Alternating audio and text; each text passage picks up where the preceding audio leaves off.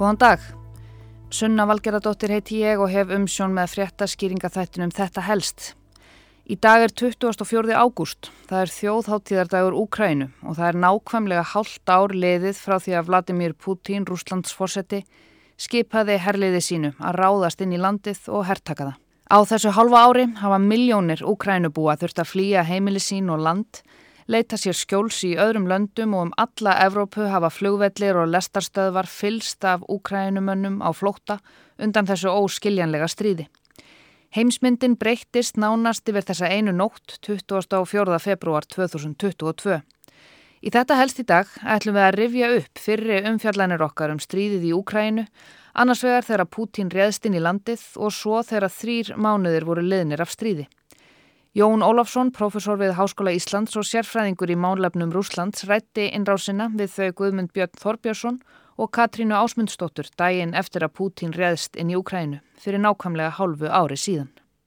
Rússar hófi innrás í Úkrænu í nótt. Vladimir Pútín, Rúslandsforseti, tilgjendi það í sjónvarps ávarpi skömmu fyrir klukkan þrjú í nótt.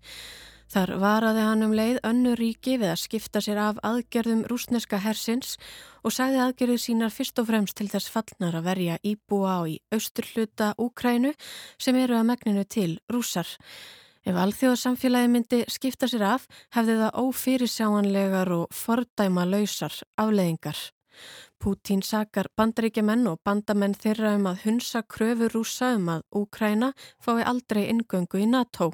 Þá segist hann ekki ætla sér að herrtaka Úkrænu þar sé Úkrænu manna sjálfrað kjósa um hverjir stjórni landinu. Tilkynntiði verið um loft árásir í nokkrum hlutum Úkrænu, þar á meðal í Kænugarði og Harkív, Gríðarlegar umferðarteppur myndiðust á götum kænugarðar í morgun, flestir stefna í vesturátt út úr borginni. Kröfur vestrætnaríkja eru allar á einn veg, Pútín skal draga herlið sitt tilbaka, ellegar verða afleðingar. Jósef Borrell, utanríkismála stjóri Európusambandsins, lísti deginum sem þeim svartasta síðan í setna stríði.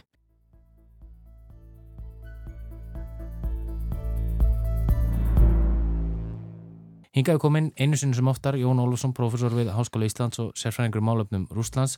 Velkomi Jón. Takk. Við höfum rætt um þetta síðustu daga og vikur og, og nú, er, nú er orðið af þessu, uh, þessi atbarrás í gerðkvöldi og í nótt, hún, hún, hún gerðist nokkur hratt, ekki satt?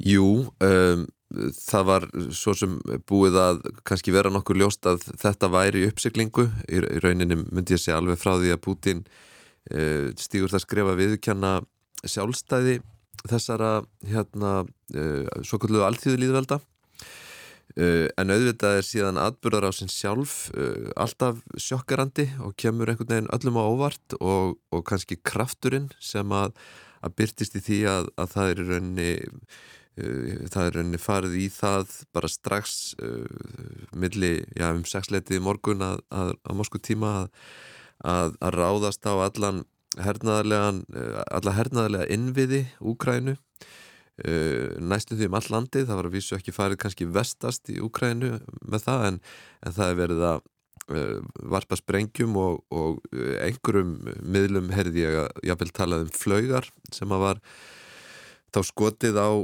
hernaða mannvirki vantarlega þá líka til þess að eðilegja Uh, samskipta uh, búnað og eðilegja uh, flugvélar, eðilegja öll hernaðarlega tæki sem að úkrænumenn hafa. Og, og, og svo getur maður búist í því að það verður reynd að, að einangra sagt, ákveðna, ákveðna hluta hersins. Og það getur þýtt að Eh, það fari hér inn víðar heldur en rúsar ætla sér kannski akkurat að helga sér svæði að svo morðið komast. Og það er eitt af því sem við vitum ekki ennþá. Putin er búin að segja að um, hann líti svo á að, að þessi svæði sem að þurfi sérstaklega að verja uh, þau, það séu héruðin Danetsk og Lugansk það sem að er talað um sem Donbass einu nafni. En ekki bara svæðin sem að, uh, að aðskilnaðar sinnar helguðu sér eða hafa, hafa haft völd á í átt ár heldur í rauninni héruðinu öll og það þýður auðvitað að fara inn á svæði og reka þar burt úkrænskan hér uh, en spurningin er síðan uh, verða héruðin til hliðartekin til dæmis Kharkov sem er næsta, næsta hér að við eða, eða Dnipropetrovsk sem er suðvestan við, við Lugansk eða Zaporozhye sem kemur þar næst Þa, það er held ég ennþá uh, óljóst hvort að það verður vegna þess að þegar að Putin uh, talar um þetta þá, þá ákveður hann sjálfur hvað orðin þýða. Þannig að hann ákveður það hvað úkrænst land er uh, hvort að það er einhver lítill bleðil sem hann ákveður að skilja eftir eða, eða eitthvað annað. Þannig að við, það er mjög margt sem er ennþá óljóst í þessari hernaðarframvindu. Eh, Það kom mörgum á óvart að, að, að já, það væri, væri gerðar árásir á, á kænugarði að Kiev e, núni í morgun þessum að já, þessi, þessi höfuborg Ukræn er svona yfirlt ekki töluð um í þessu samingi fókusin er yfirlt á austurlutan á, á Donbass hér að e, sínir þetta að Putin er að reyna að veikja herin og allan hernaðlegan infrastruktúr hjá Ukrænu út um allt land Já, ég held að það sé, það sé nokkuð ljóst. Uh, allavega uh, ef við tökum, tökum línuna svona einhver staðar vestan við Kiev og, og austur úr. Mm -hmm.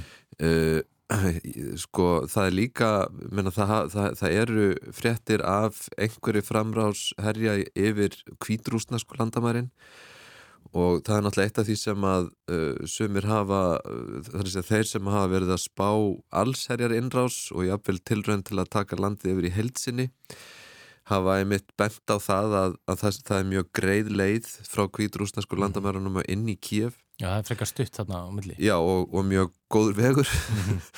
og hérna uh, og og það er líka sko á, á hinbóin uh, sko þá eru þetta uh, ég meina það að ætla sér að herrtaka höfuborg Úkrænu sko það kostar uh, bardaga inn í borgarumhverfi sem er ekki víst að að, að menn séu endilega að, að, að ætla sér núna þó, þó að maður vitti það náttúrulega ekki sko. en, en, en, en klárlega þá er aðgerðna núna snúast um að veikja herinum allt, allt land og, og til þess að eiga svona auðveldar með að, að, að taka yfir þau svæði sem að, að hérna rúsa vilja taka, en sko en sagt, menna, það hlýtur að vera uh, strategísk sín þeirra að uh, þetta gerist hratt með sem minnstum mannfalli vegna þess að, að allt, allir bardagar uh, allt, allt blóð sem rennur tala nú ekki um óbreyttir borgarar eh, óbreyttir borgarar falla.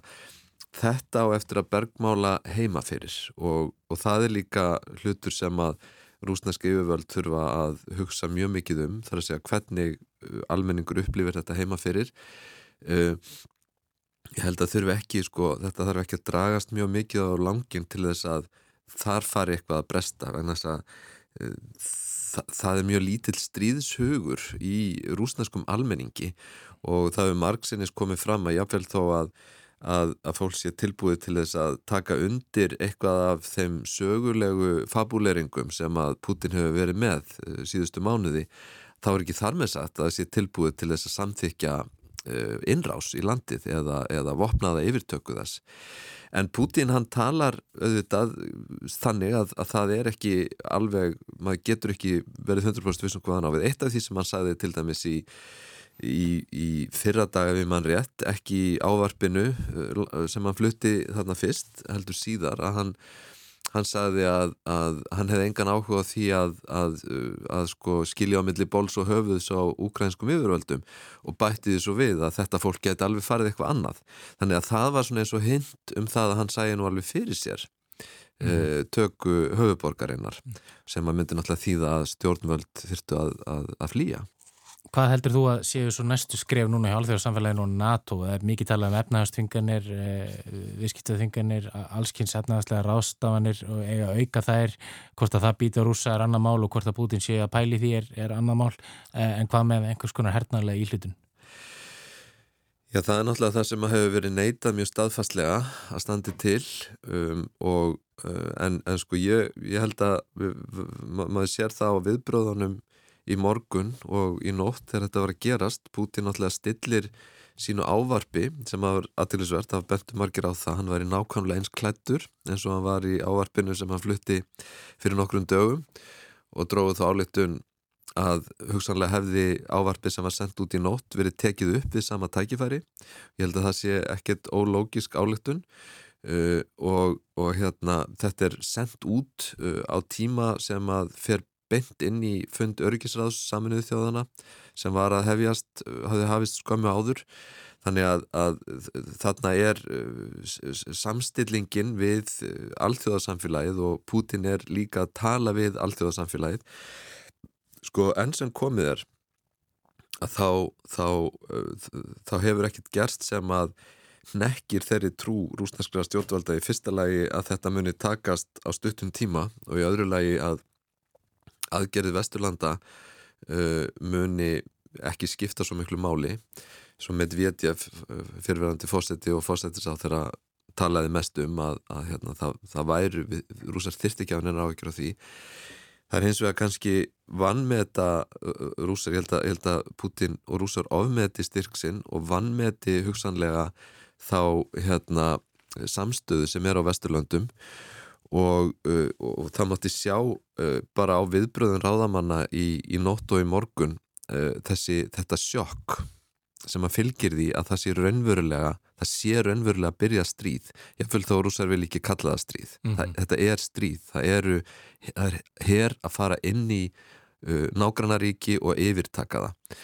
Og, og þetta er uh, eitthvað sem að uh, annarkvort mun þetta gerð breyta og okkar öryggis um, hvað maður segja, öryggis kerfi eða, eða þetta kallar á viðbröð sem að kannski voru ekki fyrir séð áður en það gerðist. Þannig að, að ég held að, að þarna eru, eru rúsar fyrst og fremst að, að spila rosalegt áhættu spil. Síðan liðu þrýr mánuðir af stríði og að þeim liðnum settist Guðmundur Björn aftur við hljónneman og reyfaði stöðuna. Það var í lok mæ.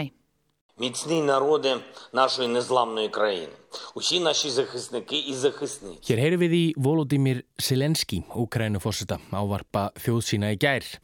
Sterku íbúar okkar ósýrandi lands, saði fórsetin áður en hann flutti tíu mínútna langt áarpsitt sitt. Ávarp Selenskís kvölds og morgna á hverjum degi frá því innrás rúsa hófst hefur blásið baróttu anda í brjóst úkrænumanna en einnig veit þeim öryggistilfinningu á þessum erfiðu tímum.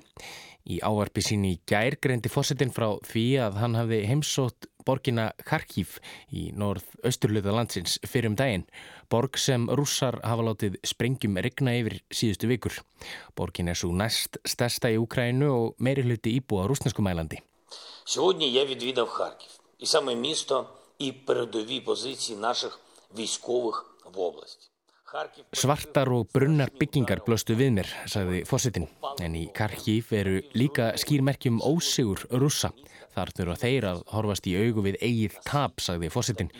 Og vísar til þess að Úkrænuher hafi aftur náð borgin á sitt vald. Прилітала російська бойова авіація. Вони дивляться на Росію. І у них Rússar hafa ekki aðeins tapað baróttunum Kharkiv eða Kiev, sagði Selenski. Rússar hafa einnig glatað sinni eigin framtíð og mist öll menningarlegt hengst við hinn frelsa heim. Þeir sáu sjálfur um það. En er Kharkiv að fullu komin í hendur úkrænumanna? Það er engin leið að vita með vissu því það fer eftir því hver greinir frá Selenski eða talsmenn rúsneskra stjórnvalda. Sjaldan veldur einn þá tveir deila, segir Maldakið og enn er barist í Úkrænu og hver gerur bardagarnir meiri en á Dombass svæðinu í östurluta landsins.